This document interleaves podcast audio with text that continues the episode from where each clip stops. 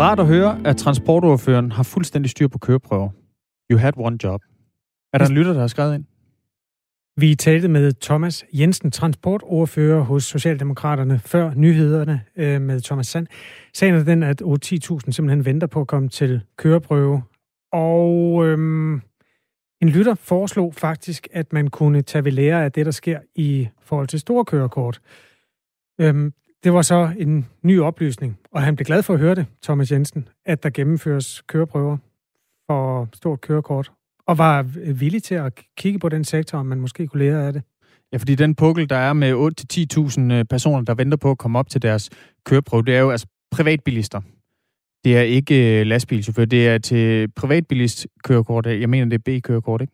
Jo, formentlig. Det... Jeg ved ikke, motorcykler, om de også hænger, eller man ikke kører dem om vinteren. Det er jeg faktisk usikker på. Men i hvert fald så bliver der stadig øh, lavet køreprøver for folk, som skal erhverve et stort kørekort. Lasse fra det nordjyske har uddybet, han skriver, Transportoverføreren er ikke helt på beatet. Der gennemføres skam både undervisning og prøver for eksempel til lastbil, ligesom der gennemføres undervisning i forbindelse med førerbeviser for varebilchauffører.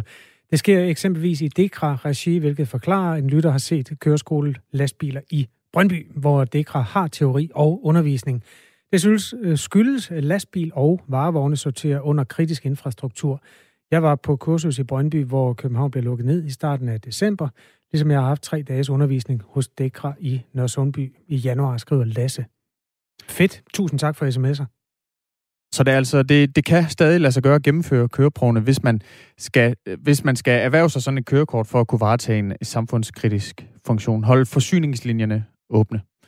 Det er der selvfølgelig en vis logik i, men det kan også øh, vække følelser hos nogen, at øhm, man måske så også kunne kigge på den her pukkel. Skriv ind, hvis du har meget gerne, som her, det skete, erfaringer, eller i det hele taget sådan følelser på spil i de historier, vi belyser. Senere på morgenen, øh, der markerer vi også, øh, at det i denne uge er et år siden, at det første coronatilfælde, det blev konstateret i Danmark. Det var en, øh, en journalist på TV2, som blev patient 0. Øhm, kom hjem fra en skiferie i Norditalien og øh, tog så på arbejde. Øh, derefter tog øh, journalisten hjem fra arbejde, fordi han havde det skidt. Og så blev han testet for coronavirus sent om aftenen og blev altså konstateret smittet. Og så, så var jeg lige ved at sige, at resten det er jo en, en saga blot siden af, af fuldt øh, tusindvis øh, af dødsfald med corona i Danmark. Øh, vi er i gang med øh, anden genåbning af samfundet, efter at have været lukket ned øh, af to omgange. Øhm, og vi kigger lidt tilbage. Det gør vi blandt andet sammen med Karen Helene Hjort, som er vært på TV2 News. Øh, hun blev en af de første danskere, der så gik i isolation på et tidspunkt, hvor vi jo ikke rigtig vidste, hvad det var, vi skulle forvente os af den virus her. Det er Radio 4 morgen. Klokken er 8 minutter over 8. Øh, et år er gået med det her, og ja, vi er her der endnu, trods alt. Trods alt. En ny regel forhindrer ældres dagligvarekøb på internettet, og det har fået nogen til at trodse risikoen for coronasmitte og gå i supermarkedet. Hver uge der modtager ældresagen henvendelser fra ældre, der som følge af en ny EU-regel ikke længere kan gennemføre indkøb på internettet. Reglen gør nemlig, at man ikke længere kan bruge sit NemID nøglekort af pap, når man skal gennemføre købet. Lad os lige høre, hvad øh, Louise Scheel, øh, som altså har ansvar for det digitale område hos ældresagen, hvad hun synes om det. Jamen, helt konkret eksempel kan være nogen, som simpelthen helt kort skriver, nu har jeg indtil nu kunne handle på nettet, nu kan jeg ikke handle på nettet længere. Hvad skal jeg gøre? Hvorfor bliver jeg skåret øh, af samfundet på denne her måde, når det ikke har været et problem tidligere? Øh, jeg er nervøs for at gå ud og handle. Der er corona. Vi får at vide, at vi skal lade være med at blive eksponeret, og nu er jeg nødsaget til at gå ned i en butik for at handle. De ældre er altså nødt til at gå ned i en butik fysisk for at handle, til trods for, at de er bekymrede for at blive smittet med corona. Birgitte Vind, godmorgen. Godmorgen. Du er ældreordfører hos Socialdemokratiet. Er det, øh, er det rimeligt, at øh, ældre mennesker øh, bliver nødt til at udsætte sig selv for coronasmitte, fordi de ikke kan, har mulighed for at handle online? Altså, vi skal i hvert fald undgå at udsætte os selv for smitte alt det, vi kan. Det, det, det, er jo en, det er jo sådan, det er. Det ved vi jo alle sammen, vi skal. Og, og derfor kan jeg kan jeg godt forstå, at der er nogle ældre, der undrer sig rigtig meget over, at øh, de så pludselig ikke længere kan, kan handle på, på nettet øh, og bruge deres nøglekort.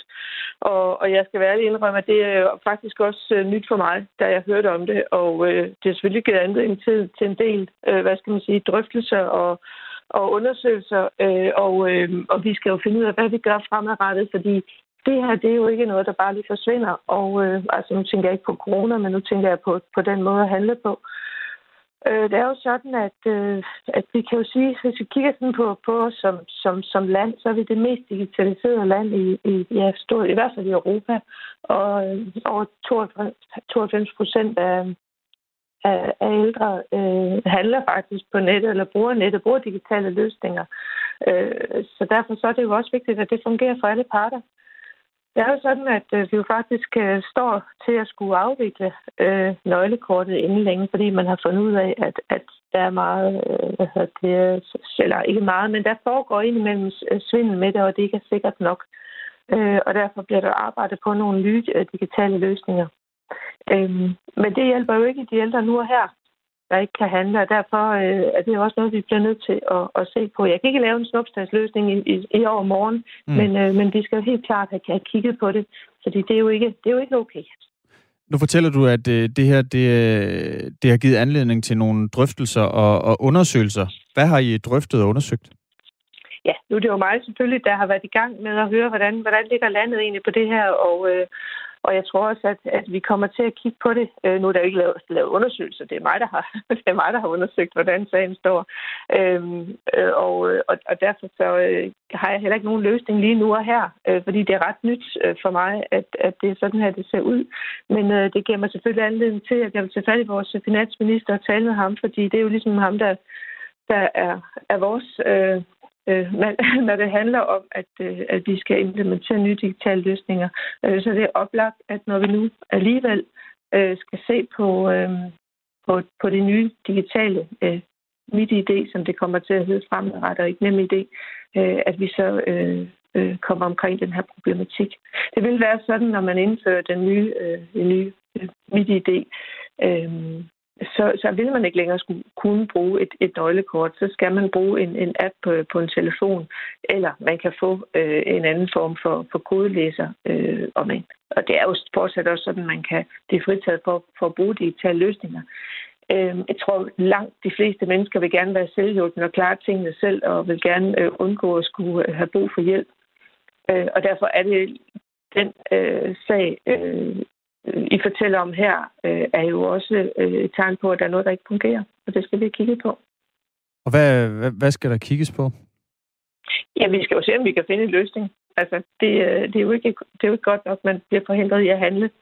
så. Nej, og nu, nu fortæller du, der, der er måske ikke en, en lige nu og her løsning. Mm. Men hvad gør de ældre, som så lige nu og her er afskåret fra for eksempel at handle ind online, som jo er en rigtig fin løsning, hvis man er ældre mm. eller øh, sårbar og ikke øh, tør bevæge sig ud i supermarkederne? Mm. Der, er, der er jo heldigvis, nu skal jeg jo ikke, der er, jeg tror, vi, der er mange forskellige scenarier, og man bor mange forskellige steder. Øhm, der er jo mange muligheder i dag stadigvæk for at komme an på, hvor man bor henne. Jeg ved, der er nogle dagligvarerbutikker, der stadigvæk bringer varer ud, hvor man stadigvæk kan ringe og bede dem om at komme med varer. Øh, der er også nogle øh, dagligvarekæder, som, som, som bruger det med, at man kan at ens nabo kan, kan bringe varerne med hjem, øh, at det kan man simpelthen bestille, at, at ens øh, bekendte tager det med, og at man så hjælper hinanden. Øh, det, det ved jeg, at der er nogen, der allerede benytter sig af, øh, at det er en måde at gøre det på. Vi vil selvfølgelig alle, alle sammen gerne være selvhjulpende, øh, men det er nogle af de muligheder, der er lige nu. Net, som altså administrerer NemID, de oplever ligesom ældresagen, at den her nye regel for internethandel, den skaber problemer hos de ældre. De oplyser blandt andet til Radio 4, at siden den her regel den blev indført i starten af januar, der har deres kundeservice oplevet, citat, en markant stigning i antallet mm. af henvendelser fra ældre. Tidligere på morgenen, øh, Birgitte Vind, der talte vi med Kent Johansen, som, er, som lige nu foretager indkøb på internettet for, sin, for sine svigerforældre på 82, fordi de ikke kan finde ud af det efter den nye regel, efter at papkortet, papnemidet blev, blev afskaffet. Hvorfor ikke bare holde fast i det der papkort? Ja, altså på sigt øh, skal det udfases, fordi det simpelthen ikke er sikkert nok. Øh, og og det, det, det ved vi der, og det har vi jo desværre set rigtig mange eksempler på, at, at, at, at da man er blevet svindlet, hvor svindler simpelthen har, har holdt øje med, hvornår folk får nye øh, kort, papkort og listet dem ud af postkassen. Øh, det har, der har været virkelig udspekulerede metoder, også hvis folk har logget ind på computer, på biblioteker osv., har kunne aflæse folks øh, øh, koder og, og, og nem ID kortkoder. Øh, så det, øh, det, det er det kortet bliver det, det er snart fortid, fordi det er simpelthen ikke sikkert nok. Så, så der skal findes andre løsninger. Øh, og jeg er sikker på, at vi nok skal finde en løsning, som, som, som alle bliver tilfredse med. Alle overgange er svært, men det løser ikke problemet nu og her. Og jeg er da faktisk rigtig glad for at høre, at Nets erkender, at, at det her det er en udfordring.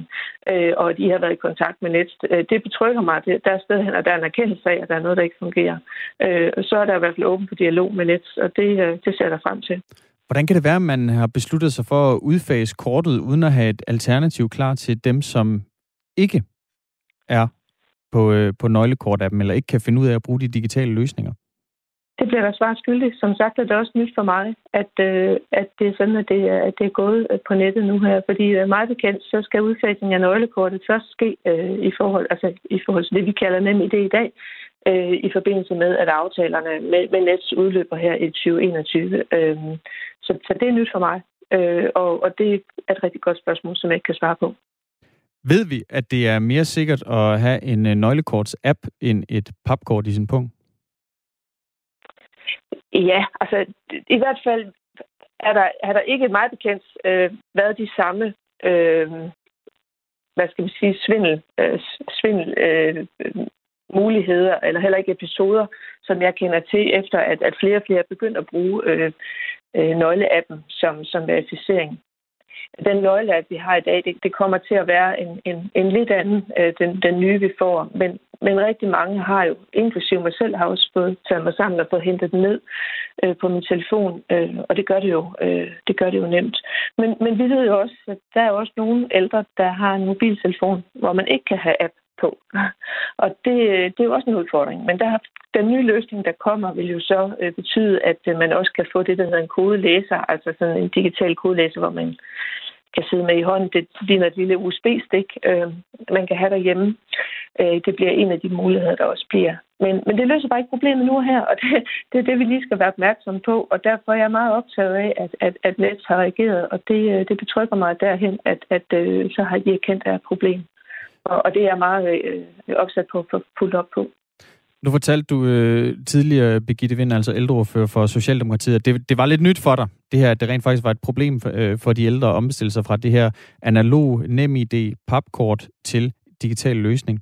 Men, men faktisk... Ej, ej, ej, ej det, det var nyt for mig, at man ikke længere kunne bruge sit nøglekort okay. til at verificere med på nettet. Det, det var det, der var nyt for mig. Ej, jeg ved godt, at digitale omstillinger altid øh, kræver noget af okay. os. Ja. For, øh, Faktisk så har Ældresagen og øh, Organisation for Mennesker med Udviklingshandicap, LEV, for to uger siden sendt et brev med overskriften Kritisk situation for ikke-digitale til din partikollega og socialminister Astrid Krav. Øh, vi har også øh, forsøgt at få et interview med Astrid Krav, men det har altså ikke været muligt.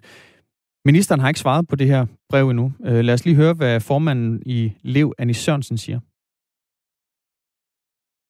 det er yderligere et element i rækken af, af problemer, som, som min målgruppe har. Det er klart, hvis du har et udviklingshandicap, så, så er det rigtig meget i hele digitaliseringsbølgen, som, som du bøvler med, om det er billetter, eller om det er søge boligsikring på nettet, eller om det er borger, det går.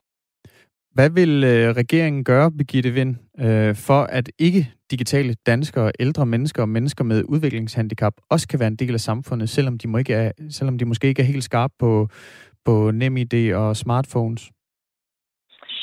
Ja, altså i hvert fald så vil jeg sige lige præcis, når det kommer til smartphones og det hele taget det at bruge vores telefoner, så, så hjælper det faktisk også rigtig mange øh, udviklingshemmede, fordi det er, det er faktisk en, en, en, for mange en, en, nem, øh, en nemmere rolløsning, end at skulle huske koder og forskellige ting. Så, så på den måde kan det for nogen også være en løsning. Men når det så er sagt, så at det er jo umyndiggørende ikke at kunne klare sig selv. Og så er det lige meget, om man, hvilken alder man har, og, hvilken, og, og hvordan ens livssituation er, så vil vi jo alle sammen gerne kunne klare os selv og være uafhængige af andre. Så, så den er simpelthen ikke længere, end at vi skal gøre det bedre, end, end, vi, end vi gør det i dag. Og, øhm, og det er vi optaget i Socialdemokratiet for kigget på. Og, øh, jeg, og jeg ved, at, at det er rigtigt, der er blevet sendt et, et brev til krav, hun ikke har haft mulighed for at, at svare på det endnu. men som jeg sagde før, så, øh, så tager jeg kontakt med vores finansminister nu, og, og, øh, og det, det ved vores socialminister også, det gør. Så vi er i dialog omkring det. Du kan da lige øh, få sms'erne med, Birgitte Vind, hvis du har lyst til ældreordfører hos Socialdemokraterne. der er jo en, der skriver, man kan godt bruge nøglekort og handle på nettet. Bare følg vejledningen. Den er fra Jan Klatrup. Øhm, Lita skriver, at man kan jo bare bruge MobilePay på nettet. Det er nemt. Og en tredje kommentar fra Kenneth. Digitaliseringen er en af de største fejl, det moderne samfund har begået. Nu kan alle i hele verden stjæle fra alle. En mand i Australien kan sidde hjemme og stjæle fra en i Danmark. Og jeg er så gammel, at jeg kan huske, hvordan det blev solgt til os, da computerne kom. Alt vil blive lettere og billigere, og alt fysisk arbejde vil blive overtaget af robotter, og vi vil køre rundt i selvkørende biler og så videre, så videre. Og i stedet fik vi, ud over en masse godt, mest øh, i industrien, så fik vi bare sociale medier og porno. Citat slut. Jeg ved ikke, om det sidste er noget, du behøver at tage med til finansministeren. Mm. Nej, men jeg vil sige, at, at øh, vedkommende har jo ret derhen, at der er altid øh, bagsider af, af udviklingen. Og, øh, og det er jo det, vi må hjælpe hinanden med at dæmme op for, så godt vi nu kan. Altså, ja, det er jo fuldstændig rigtigt. Der er en masse, der er en masse, følger altid noget med, som, som vi gerne vil være for uden. Og det er jo, det er jo dilemmaet øh, ved, ved udviklingen også. Øhm, og derfor er det jo øh, vigtigt, at, øh, at de her sager kommer for en dag, og at vi så kan gribe om dem og, og gøre noget ved dem. Så, så jeg er egentlig sådan set meget glad for, at der bliver gjort opmærksom på det her, så vi kan få kigget på det. Birgitte Vind, tak fordi du var med her på Radio 4 morgen. Selv tak. Og lad os vide, hvad Nikolaj Vammen siger til det. Det kan du tro. Altså, det gør vi.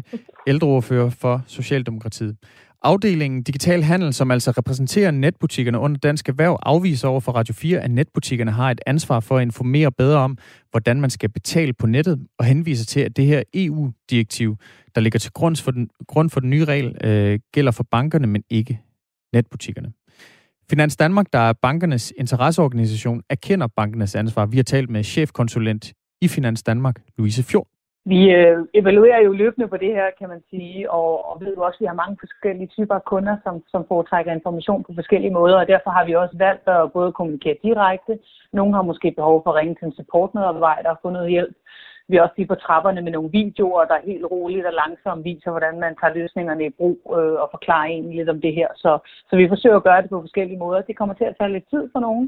Det vil kræve tålmodighed, øh, men det er helt sikkert ambitionen, at vi skal have alle med på en ændring som, som det her.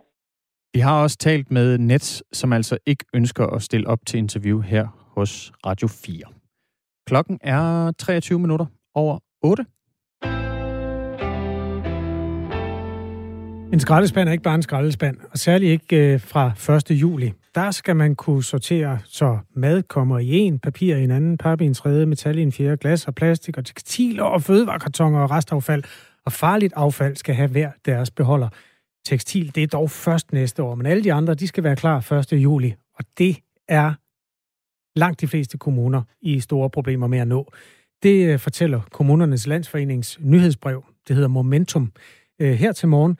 Birgit Hansen er formand for Miljø- og Forsyningsudvalget i Kommunernes Landsforening og borgmester i Frederikshavn Kommune. Godmorgen. Godmorgen. 8 ud af 10 når det ikke. Hvorfor ikke? Det gør vi ikke, fordi der har ikke været en, en fælles plan, og så er kommunerne gået selv. Vi er i gang. Vi synes også, at øh, vi skal affaldssortere og genbruge vores affald som en ressource. Men nogle kommuner, de har brugt energi på pap, og nogen på glas, og nogen på flere ting. I min egen kommune har vi brugt øh, energi på at få sat systemer op og få borgernes opbakning. Og er i gang med at sortere mad og genbruge det til biobrændsel. Så vi er forskellige steder, og der er en, en hel del praktik, når man skal i gang med så mange fraktioner, og det er simpelthen lige frem med øh, nye skraldespande og nye skraldebiler, information til borgerne, og nogle ting skal også i udbud. Så vi vil rigtig gerne det her, men der er rigtig meget praktik omkring det. Det når vi ikke. Det blev vedtaget for øh, knap et år siden, altså det blev vedtaget i juni sidste år, at vi i det her land øh, skal sortere vores affald i ni fraktioner fra den kommende sommer. Jeg listede en hel masse op øh, for lidt siden. Hvor mange øh, forskellige beholdere har du til affald, der hvor du bor, øh, Birgit Hansen, i Frederikshavn? To. To? Så der er kun to en fraktioner? Ja, Indtil så hvad? der er, vi er forskellige steder i Danmark, og øh, der, så øh, kan vi tage Aarhus, øh, der har langt flere fraktioner. Der er også det kan jeg fortælle på, dig om, fordi jeg bor, er. jeg bor i en landsby ja. i Aarhus ja. Kommune. Der er en øh, ja. sort spand, som har to rum i sig.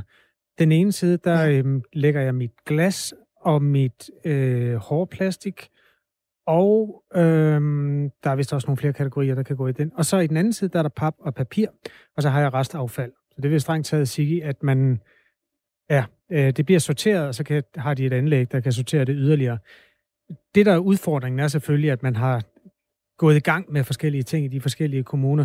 Burde man egentlig ikke have ventet på, at øh, Christiansborg nåede frem til et system for det her, og så ret ind øh, på det, i stedet for at man løber sit, ud af sine egne tangenter i hver kommune?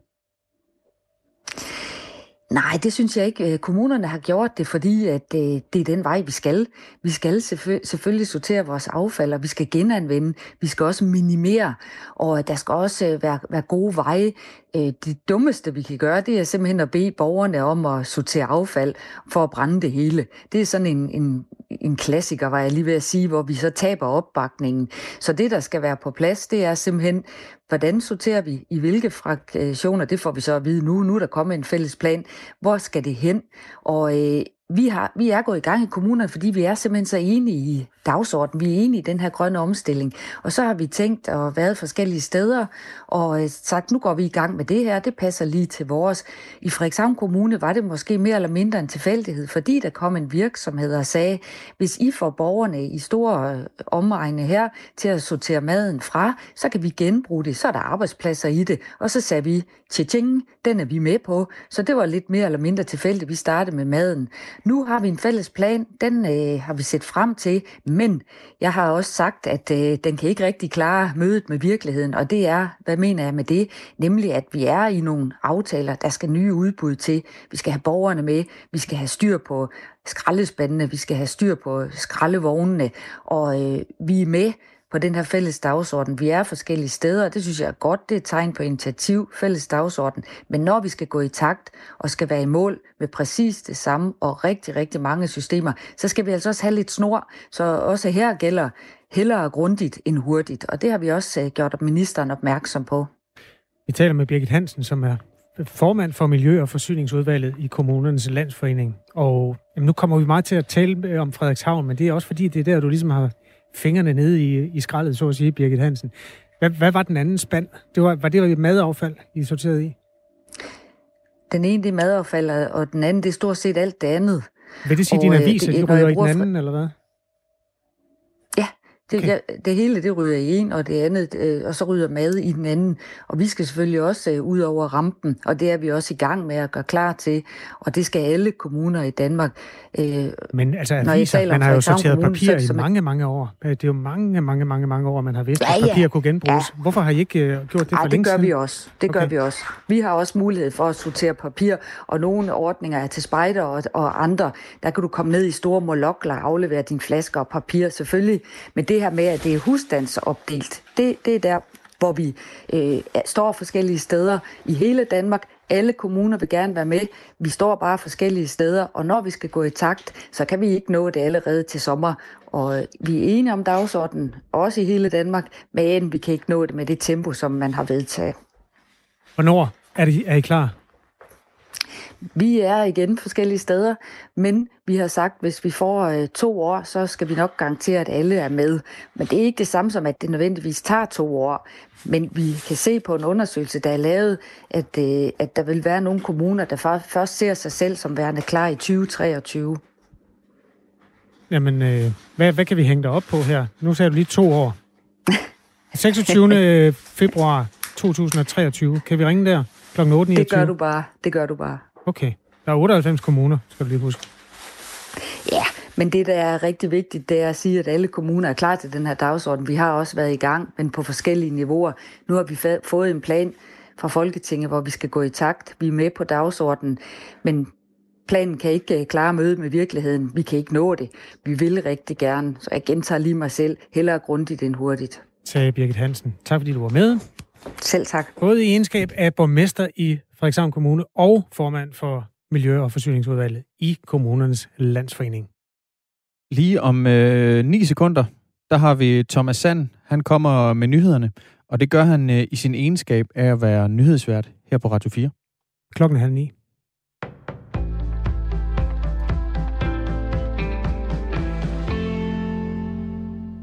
2020 blev det værste år for dansk økonomi siden finanskrisen, men coronakrisen har ikke forvoldt helt så stor skade som tidligere antaget. Danmarks BNP, et udtryk for størrelsen af et lands økonomi, faldt med 3,3 procent sidste år. Det viser tal fra Danmarks Statistik. Et forløbigt skøn tidligere i februar viste et fald på 3,7 procent. Årsagen til ændringen er ifølge Danmarks Statistik, at økonomien ikke skrumpede helt så meget i første halvdel af 2020 som tidligere antaget. Danmarks Statistik fremhæver, at dansk økonomi har klaret sig bedre end USA og EU, der har haft en negativ vækst på henholdsvis 6,4 procent og 3,5 procent.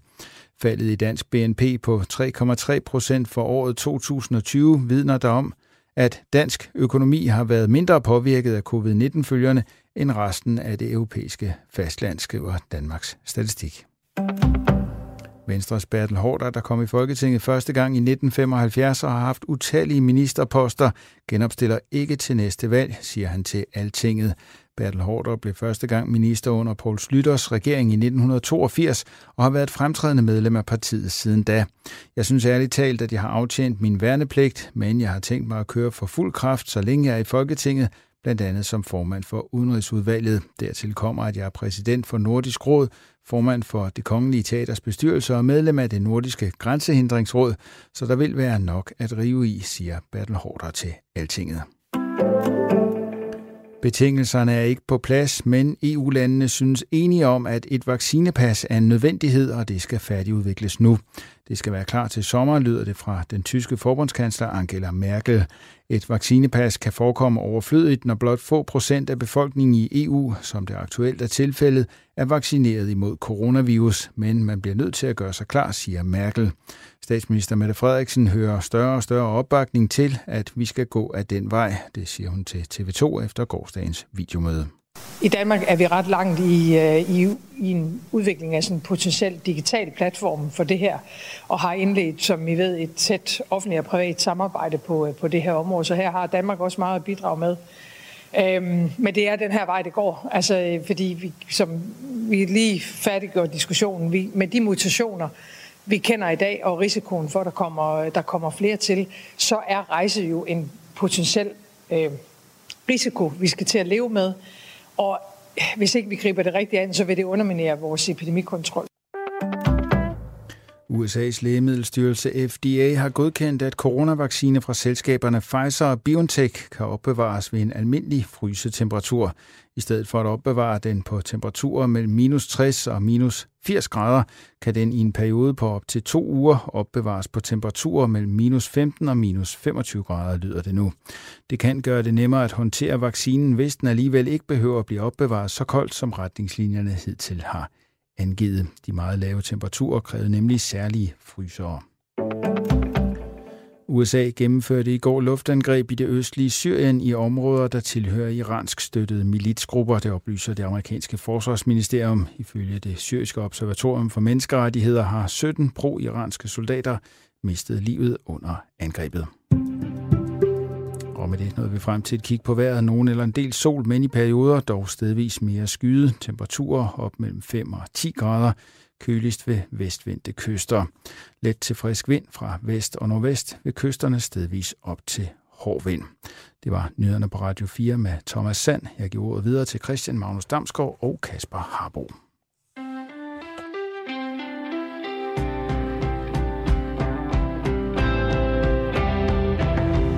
Godmorgen. Tak fordi du har tændt for Radio 4. Klokken er 8.34. Det er fredag, og der er solskin. Åh oh ja, det er rigtigt. Man glemmer nogle gange helt at kigge ud, fordi jeg sidder og kigger ind i dine isblå øjne. Mm. Men øh, nu skal vi kigge ind i øh, fortiden, eller tilbage på noget, som startede med at være et kæmpe chok. For nogle er det stadig et chok, der har ramt øh, samfundet. Og for andre er det noget, vi har lært at leve med, og skal lære at leve med i mange år. Det er corona. Den første patient, det er lige knap et år siden. Det er nemlig 364 dage siden, at den første corona-patient, eller smittet med corona, blev, øh, blev konstateret i, i Danmark. Den smittede, det var en øh, journalist på, på TV2, der havde været på, på skitur i Norditalien med sin kone og søn.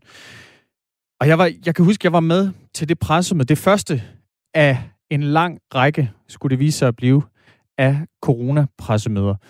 Øh, det blev afholdt i, i Sundhedsministeriet øh, den weekend. Jeg mener, han blev, øh, blev konstateret, journalisten her blev konstateret smittet, altså sent om aftenen, altså nat, tror jeg faktisk, det var klokken to om natten, tror jeg, der kom en pressemeddelelse fra, fra Sundhedsstyrelsen.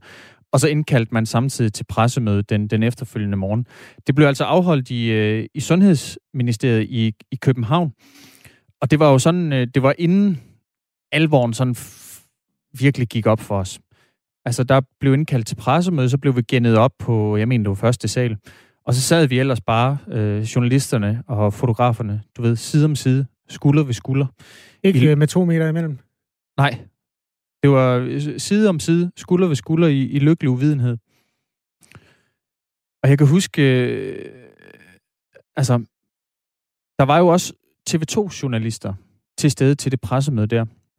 Og det var jo inden man sådan rigtig vidste, altså, hvor, hvor meget afstand skal man holde? Hvor, hvor meget smitter det her egentlig? Altså, mm. vi var, det var begrænset, hvor meget vi vidste øh, om coronavirus på det tidspunkt der. Så man sad også sådan lidt og, og kiggede, har de nu været tæt på, øh, på, det, på ham, der var, var smittet med covid? Altså, det var på et tidspunkt, hvor det der havde sådan rumlet som en historie, der handlede om Kina. Så kom den til at handle lidt om Europa. Og i og med, at den sådan skrev sig lidt ind i den der nyhedsstrøm, hvor Ebola-udbrudene øh, også hørte hjemme, så var det jo noget, man havde en vis agtpågivenhed overfor. Altså, jeg var sgu da sådan relativt bange, selvom jeg godt vidste, det var i familie med forkølelse. Øhm, nå, men der, der sad I så med ja, TV2, uha, uha. Der sad vi så, og så netop som, som det her pressemøde, det første coronapressemøde i Danmark, øh, var slut, så var jeg altså live igennem på en øh, radiokanal, der taler med Danmark. Lad os lige høre, øh, lad os lige høre lidt af den øh, gennemstilling for, for et lille års tid siden. Man forfølger ligesom en inddæmningsstrategi, som betyder, at nu har vi, øh, nu har vi erkendt, at der er en smitte, øh, en smittet person, som også har, hvad kan man sige, været ude i, i, i friheden, i hvert fald indtil i går. Øh, og han har været på arbejde og sådan noget, så nu, går, nu har man først afhørt ham. Det lyder jo nærmest så, det lyder så inkriminerende, men man, man har talt med ham. Man har hørt, hvilke personer har du været i kontakt med, hvilke mennesker var på arbejde, hvem var du tæt på, mens du var på arbejde. Øh, Kåre Mølbak fra, øh, fra Statens Serum Institut fortalte på pressemødet, at der er sådan en, en to meters radius, og hvis man befinder sig uden for den, af den smittede, jamen så er der absolut ingen risiko for, at, øh, for at man skulle være, være smittet. Så de forsøg, forfølger sådan en inddæmningsstrategi, hvor de først opsporer, hvilke personer han har, han har været i kontakt med, mens han var på arbejde, og, så, og så øh, derefter, så vil det så også blive besluttet, øh, hvor mange fra TV2, der altså yderligere skal sættes i hjemmekarantæne. For der blev også sagt, at det er øh, utænkeligt, at der ikke bliver sat flere mennesker i karantæne, fordi man arbejder ud fra sådan et øh, forsigtighedsprincip, altså better safe than sorry. Hellere være på den sikre side. Og sætte altså hellere være på den sikre side. Det var så også her, at forsigtighedsprincippet blev introduceret. Altså til det her pressemøde, der var øh, Anne-Marie Vangsted fra, øh, fra Styrelsen for Patientsikkerhed, der var Søren Brostrøm fra Sundhedsstyrelsen, og så var der altså Magnus Heunicke og øh, Kåre Mølbak Magnus Heunicke, sundhedsminister, og Kåre Mølbak, øh, tidligere direktør i Statens Serum Institut. Og man kunne godt mærke, at hele det her system med inddæmning og karantæne, det, det var ikke helt op at køre. Altså det, man jo blandt andet gjorde, det var, at man tog ud på TV2 og interviewede medarbejdere om, øh, hvor tæt de havde siddet på, øh, på den smittede, og i hvor lang tid. Øhm, lad os lige... Øh, jeg tror, jeg har et lille klip mere liggende. Lad os lige prøve at høre. Inde i det lokale, hvor vi sad inde til pressemødet, der, der sad jo også ansatte fra TV2, også ansatte, som havde været på, øh, på arbejde med vedkommende øh, i går. Og der fortalte de altså, at der er sådan en inkubationsperiode. Det betyder, at fra det tidspunkt, hvor man bliver udsat for smitte, til at man selv kan smitte, der går altså noget tid. Så derfor så, så frem at de mennesker, som var til stede i lokalet i dag, det er højst usandsynligt ikke, men så frem de mennesker var til stede i lokalet i dag, så smitter de altså ikke endnu. Men det er altså en, en vurdering, som Styrelsen for Patientsikkerhed vil tage ud på, på Tejlholmen øh, i København, der hvor TV2 holder til, og så beslutte sig for, øh, hvem, hvem bliver sat i karantæne, og hvem, øh, hvem er der ikke nogen risiko for at, at lade vandre frit rundt. Det er ret vildt, man havde det, der hed en inddæmningsstrategi. Det lød som om, at man dengang havde en forventning om, at man kunne tage de coronatilfælde, der nu kom, og så putte dem ned i en kasse, og så efter noget tid, så gik coronaen væk fra Danmark igen. Er det ikke rigtigt? Der var håb om, man ligesom kunne slå hegn om det, ved sådan at isolere den smittede, og så isolere dem, der havde været i kontakt med den smittede, og så kunne vi ligesom holde det ude. Altså, også bare lige for at nævne, altså da, da Danmark registrerede sin patient 0 den, den 27 februar 2020, der var der på verdensplan 82.000 smittede. Og der var øh, på det tidspunkt 2.800, som var døde med corona.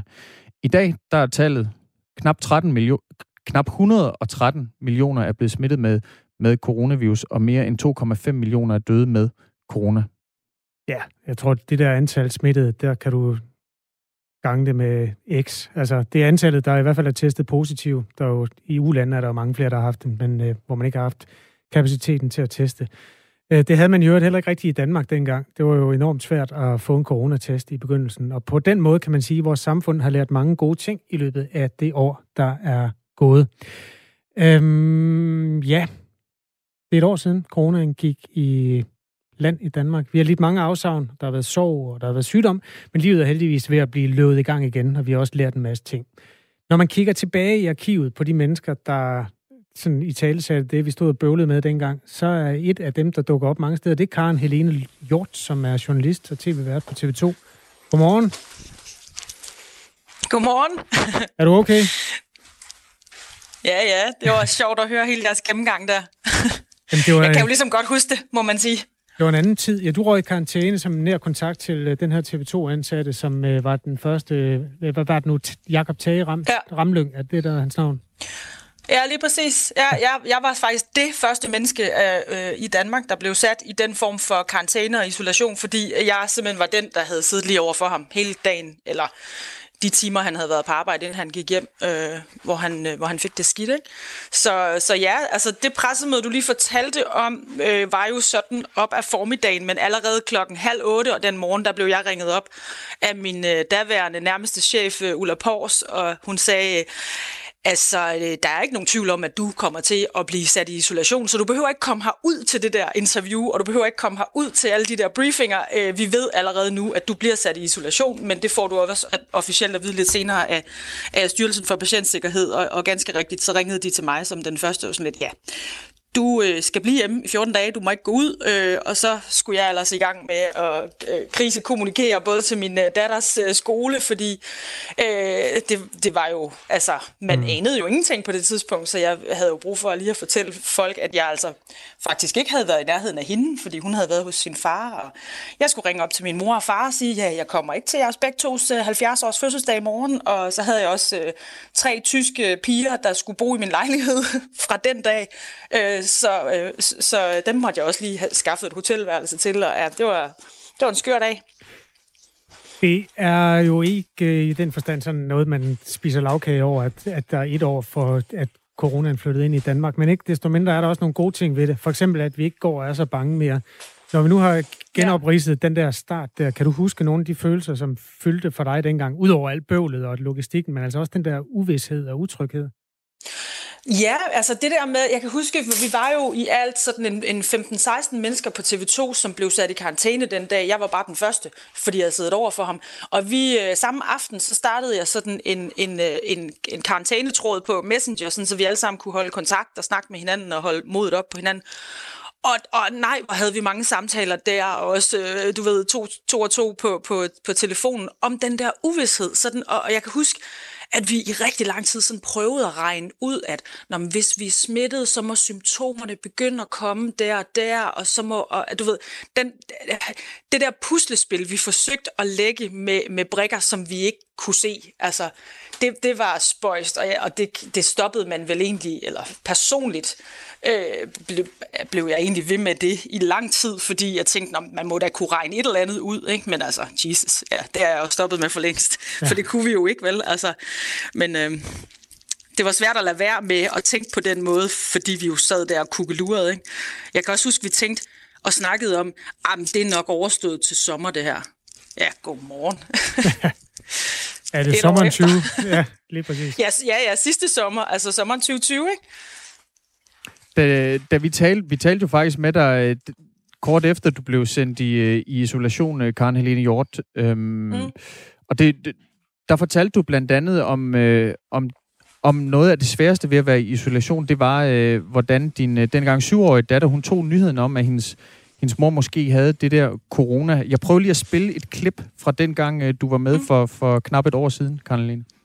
Det var svært. Det var nok den sværeste FaceTime-samtale, jeg nogensinde har haft i mit liv, fordi hun var jo knust, og det blev jeg også. Og så sad vi og græd lidt sammen der, øh, og så fik jeg styr på mig selv, og min eksmand var der selvfølgelig også, og så fik vi snakket om det, og, og kom faktisk et godt sted hen, og har sådan prøvet at forklare hende, at, at jeg jo ikke er syg, øh, og, og derfor tosser jeg jo også rundt og laver ting på FaceTime, så hun kan se, at jeg ikke er syg, men at jeg bare er her og har prøvet at forklare hende, at, at det handler om, at jeg har været i nærheden af en, som er syg, og for en sikkerheds skyld, så, så skal man altså gøre sådan her, og det er det, jeg kan gøre, og det har jeg fået besked på.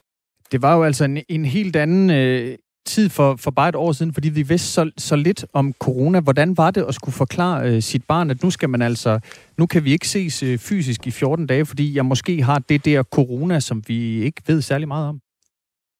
Altså jeg vil sige, øh, øh at hun, hun tog det jo faktisk rigtig pænt, og det var den samtale, og så var, det, så var vi videre, så var det bare en ny virkelighed. Altså de er jo øh, kattens omstillingsparate, de der unger der. Men, jeg vil sige efterfølgende, hver gang jeg har været bare den mindste smule syg, altså det efterfølgende år, Mm. Øh, om, jeg, om jeg så har haft forkølelse, jeg havde en, en gigadonisk influenza i, øh, i december måned, som jeg også troede var corona, men det var det ikke. Øh, så kan jeg godt mærke på hende, at hun bliver sådan lidt, hmm, hvad sker der nu? Har mor corona?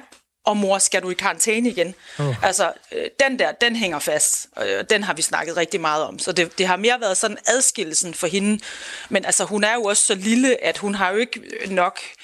Det har hun ikke. Hun har ikke lavet sig påvirke af den der frygt for den der sygdom, i hendes optik og i hendes verden, der er den mere bare altså, øh, helt vildt irriterende, og, og en sygdom, som vi skal undgå, og en sygdom, som gør, at skolen er mærkelig, og alt er mærkeligt, og vi øh, venter på, at tingene åbner igen. Ikke? Altså, så det har mere været, været, været den, der har været et issue for hende, kan jeg mærke på hende her det efterfølgende år.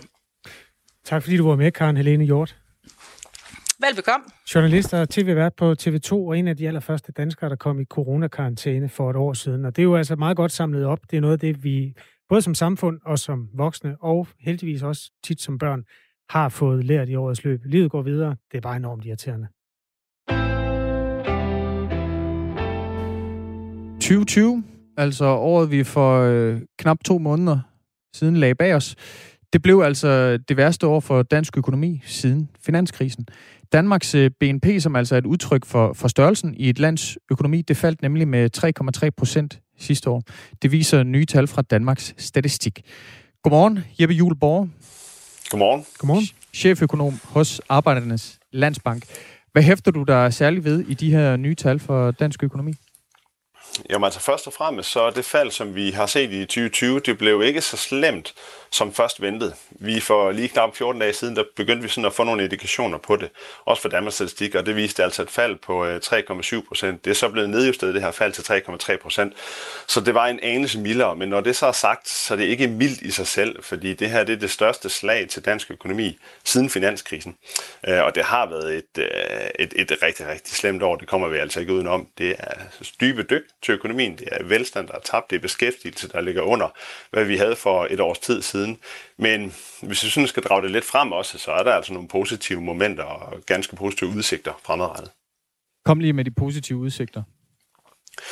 Jamen altså, vi står sådan højaktuelt i en trængt tid, i en svær tid. Der er mange virksomheder, som har det svært. Smitten har været høj, restriktionsniveauet har været højt øh, gennem hele vinteren. Det bider på økonomien her nu.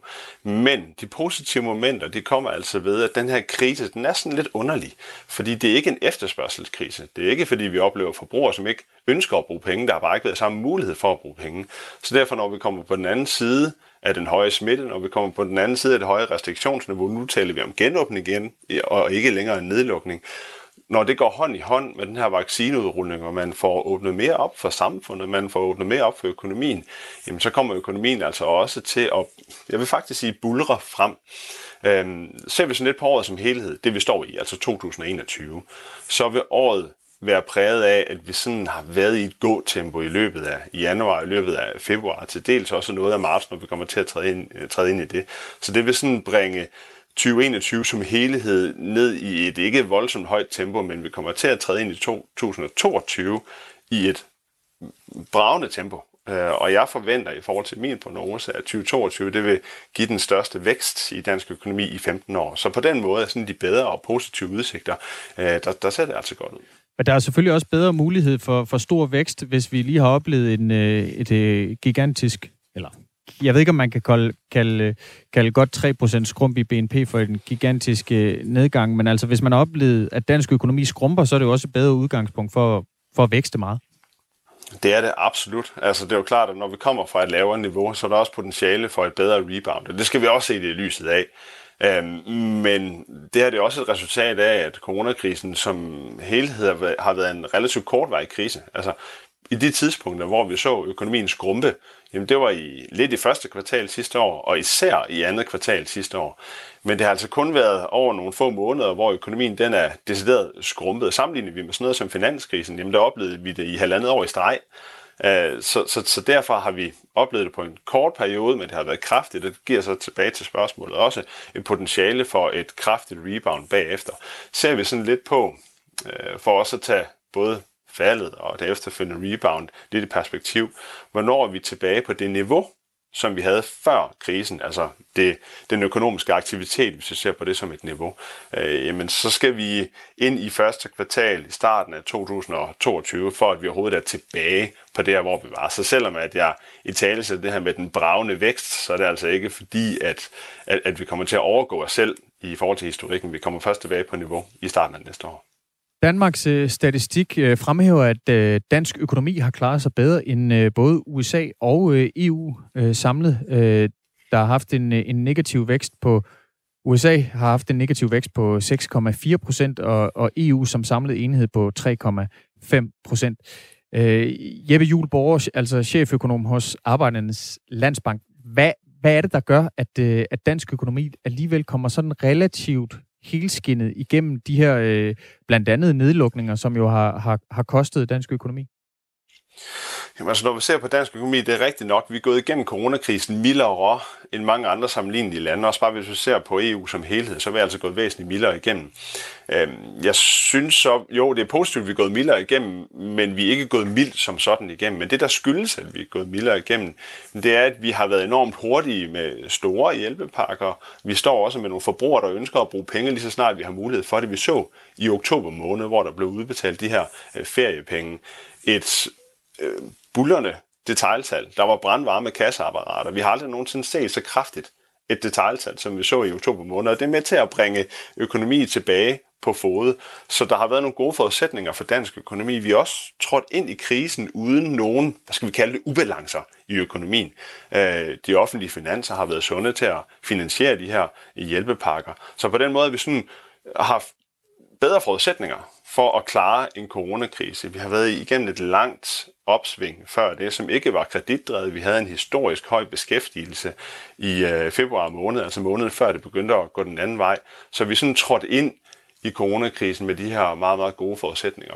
Jeg synes også, at når vi sådan tager øh, den her nettoeksport i forhold til, at, at, at det er gået værre for sig i de omkringliggende lande, eller i hvert fald i EU som, som helhed, øhm, det bærer på det positive, at det er gået mildere for sig i Danmark, men det er også en, lidt en simpel måde at se det på, synes jeg, fordi at det kommer til at sende en efterregning øh, i form af den danske eksport. Vi står som eksportland. Vi får en enorm stor del af vores økonomiske aktivitet ved at og, og, og simpelthen at eksportere, altså sende varer ud af landet.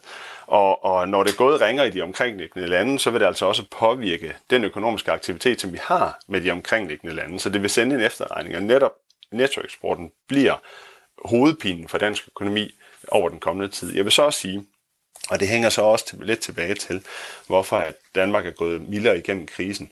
Når vi kigger på den her eksport som land, som vi har, i Danmark, jamen så er den mere beskyttet i forhold til uro rundt omkring i verden. Det kan både være økonomisk uro, det kan være en sundhedsmæssig krise.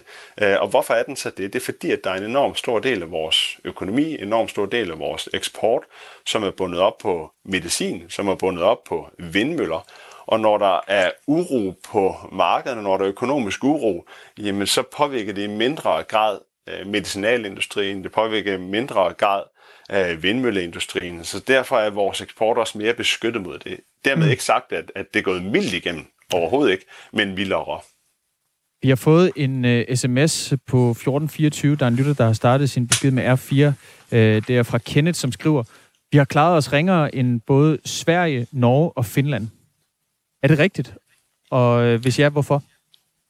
Jamen, altså jeg vil sige, i forhold til når vi sammenligner med mange af de andre øh, nordiske lande, så vi har klaret os en anelse ringere, men det er altså ikke i så ringe grad sammenlignet med, når vi, når vi sammenligner os selv med sådan noget som EU, så forskellen er faktisk ikke så voldsomt stor. Vi ligger egentlig meget legnet, og med det, når vi sådan sammenligner os selv med andre lande, så skal vi også huske på, hvad er det, vi sammenligner med, fordi at der er noget niveausammenligning om, om det er slutningen af 2019, vi sammenligner med, eller om det er 2020 som en helhed, som vi sammenligner med. Så, så jeg synes egentlig sådan bottom line, de nordiske lande generelt set er gået relativt mildt i fællesskab igennem coronakrisen, og jeg synes, der er en større forklaring i de nordiske lande kontra den øvrige del, øh, øvrige del af EU sammenlignet med øh, en forklaring mellem forskellen mellem de nordiske lande. Men, men er, øh, er, er det rigtigt, som vores lytter kende skriver, at vi har økonomisk har klaret os ringere end Sverige, Norge og Finland? Ja, det er rigtigt. Hvor, øh, vi har hvad kan det skyldes? Jamen altså, det, igen, de forskelle, som vi har i forhold til øh, nogle af de andre nordiske lande, de, de er altså ikke så voldsomt store. Og jeg synes også, at når vi sidder og kigger på de dyk, som vi ser i økonomien, i den her størrelsesorden, så, så, så er der, altså, jeg ser ikke kæmpe store forklaringsgrader på de forskelle, der er mellem de nordiske lande. Jeg synes, der er væsentligt større forskelle, både økonomimæssigt set, men også potentialet og risici i økonomien, når vi sammenligner Danmark med den øvrige del af EU. Tak fordi du var med, Jeppe Juleborg. Velbekomme cheføkonom hos Arbejdernes Landsbank, om de her nye tal fra, fra Danmarks Statistik, der altså viser, at øh, Danmarks BNP altså faldt med 3,3 procent sidste år. Bettina Lindhardt siger, at vi lige skal læse noget Nostradamus, den franske øh, profet, øh, fordi han har skrevet noget, der hedder Nostradamus øh, Prophecies 2021. Ja, det er ikke sikkert, det hedder det, men det ligger i hvert fald på nettet under den titel visse steder.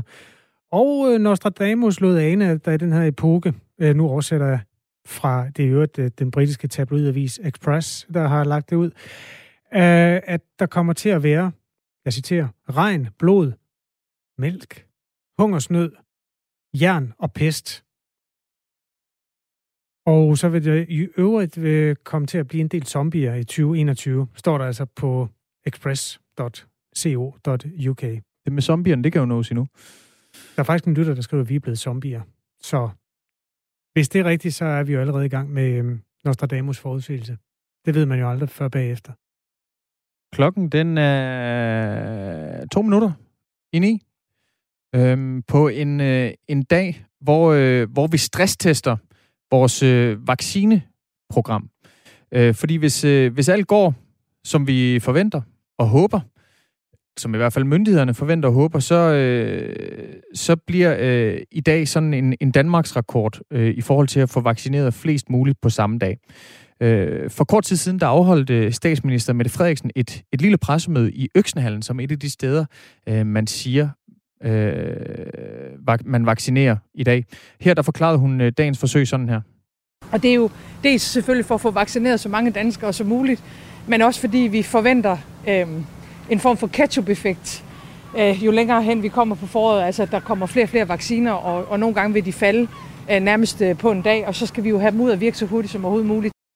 Tidligere i morges, der talte vi med Jonas Ebert, som altså er formand for regionen, Region Hovedstadens vaccinetaskforce, om den vaccinegeneralprøve, man altså skal lave i dag. Ja, jeg står her i vores øh, observationsområde, hvor de første, der har fået stikket her og sidder i det her 15 minutters observationsvindue øh, og bliver holdt øje med, at de ikke får nogle alvorlige øh, reaktioner, inden de skal, skal hjem.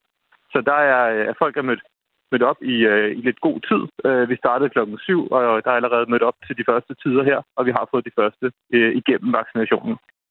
Selve vaccinationerne har man prøvet mange gange et sted som Øksenhallen, men det er altså mængden af mennesker, der gør dagen i dag specielt, fortæller Jonas Ebert. Selve vaccinationen, øh, vaccinetyperne, det er vi vant til. Øh, det, der er nyt i dag, det er, at vi afprøver et center op i de her 5.000 øh, kapacitet og det skal vi lære af for at se, øh, når vi skal have de andre center op i samme niveau, er der så noget omkring flow og logistik, som vi skal være opmærksom på. Men myndighederne håber altså på, at man over hele landet i dag forventer at kunne, kunne vaccinere op mod 35.000 borgere. Der har jo tidligere været problemer med de her indkaldelser, som øh, danskerne har fået til vaccination, men det er altså det, man ønsker at teste, fordi vi har et erklæret mål om at kunne komme op på at kunne vaccinere 400.000 borgere om dagen en gang i marts. Du har lyttet til Radio 4 morgen. Det skal du have tak for. Der er simpelthen øh, nyheder nu med Thomas Sand. God fredag og god weekend. Klokken er 9.